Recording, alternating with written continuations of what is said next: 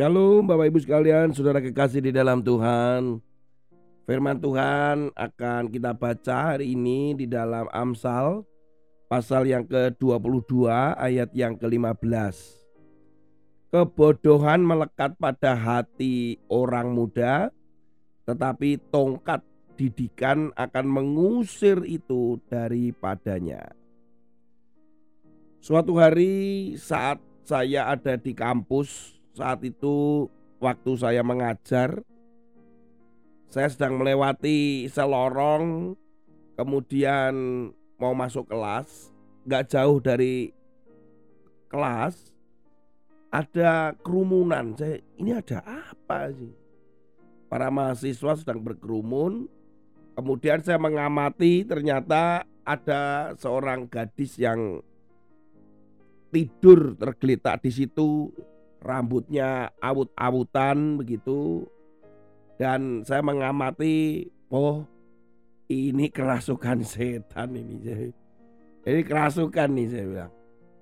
Terus kemudian saya sampaikan kepada mahasiswa-mahasiswa itu ini kerasukan ini gitu ya harus diselesaikan secara spirit gitu. Wah ada beberapa orang Enggak pak, ini mengeluarkan semua jurus-jurus ilmu psikologi. Ini masuk inilah ini yang apa namanya gangguan ini, tekanan ini, wah macam-macam lah ya. Saya cuma bilang ini ini kerasukan kalau modelnya kayak begini. Kemudian saya tinggal mereka saya masuk kelas lah. Saya ngajar gitu ya.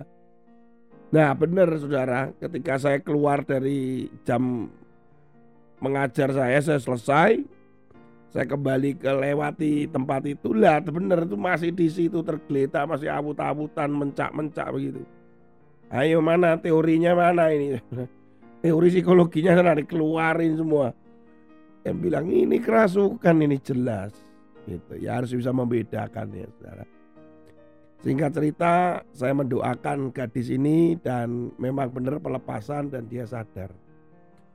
Saudara, kadang anak muda ini yang kita hadapi ya begitu. Merasa dirinya itu ya masih fresh, ya masih hebat gitu. Sehingga itu dianggap kebodohan oleh Amsal. Hal-hal seperti ini yang diperlukan didikan. Makanya ada kata tongkat didikan. Jadi tongkat didikan jelas itu ada hukuman, ada uh, penghargaan ya di situ. Ini ada tongkat tongkat didikan namanya. Itu yang bisa mengusir kebodohan-kebodohan mereka, bukan mengusir mereka tapi kebodohan-kebodohan mereka. Saudara kasih dalam Tuhan, semangat mereka luar biasa anak-anak muda. Ya, tetapi kita perlu mendampingi mereka kita perlu berjalan side by side dengan mereka. Kita perlu bergandengan tangan, berjalan barengan. Kita juga perlu bersama-sama kita bisa ngobrol bareng mendiskusikan sesuatu. Kita bisa melangkah melayani bersama-sama, kita bisa melakukan proyek bersama-sama. Supaya mereka itu belajar, bukan hanya kalau tongkat itu kan berbicaranya pukulan, pendisiplinan.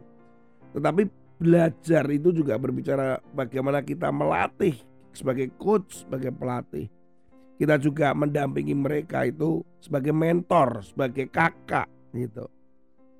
Nah ini yang kita perlu lebih lagi dampingi anak-anak muda. Supaya mereka itu jauh dari kebodohan-kebodohan mereka. Dengan berbagai teori karena mereka suka sesuatu yang oh ini ilmu pengetahuan baru, konsep baru, ini apa uh, survei penelitian baru kemudian mereka kemudian berduyun-duyun untuk mendapatkan dan kemudian mereka menggunakan itu dalam keseharian. Mereka nggak sadar bahwa kadang itu bertentangan dengan firman dan itu adalah kebodohan. Saudara yang kasih di dalam Tuhan, Bapak Ibu sekalian, mari kita dampingi anak-anak muda ini kita bersama-sama me, apa menjadi kakak buat mereka. Saya masih ingat pertanyaan Tuhan yang kepada Kain di mana adikmu itu. Ya, saudara, di mana adikmu? Memangnya aku ini penjaga adikku. Nah, gitu ya statementnya gitu. Saudara, mari kita adalah penjaga generasi ini untuk anak-anak muda, anak-anak. Kita dampingin mereka dan bersama-sama saudara nggak bisa sendirian. Ya untuk menghadapi dunia ini dan mereka menyiapkan kedatangan Tuhan yang kedua kali. Tuhan Yesus memberkati ya dengan sabar tentunya kalau mendidik ya atau jangan-jangan kita sendiri yang malah ada banyak kebodohan ya saudara. Oke, sampai jumpa pada episode yang lain. Tuhan Yesus memberkati. Shalom.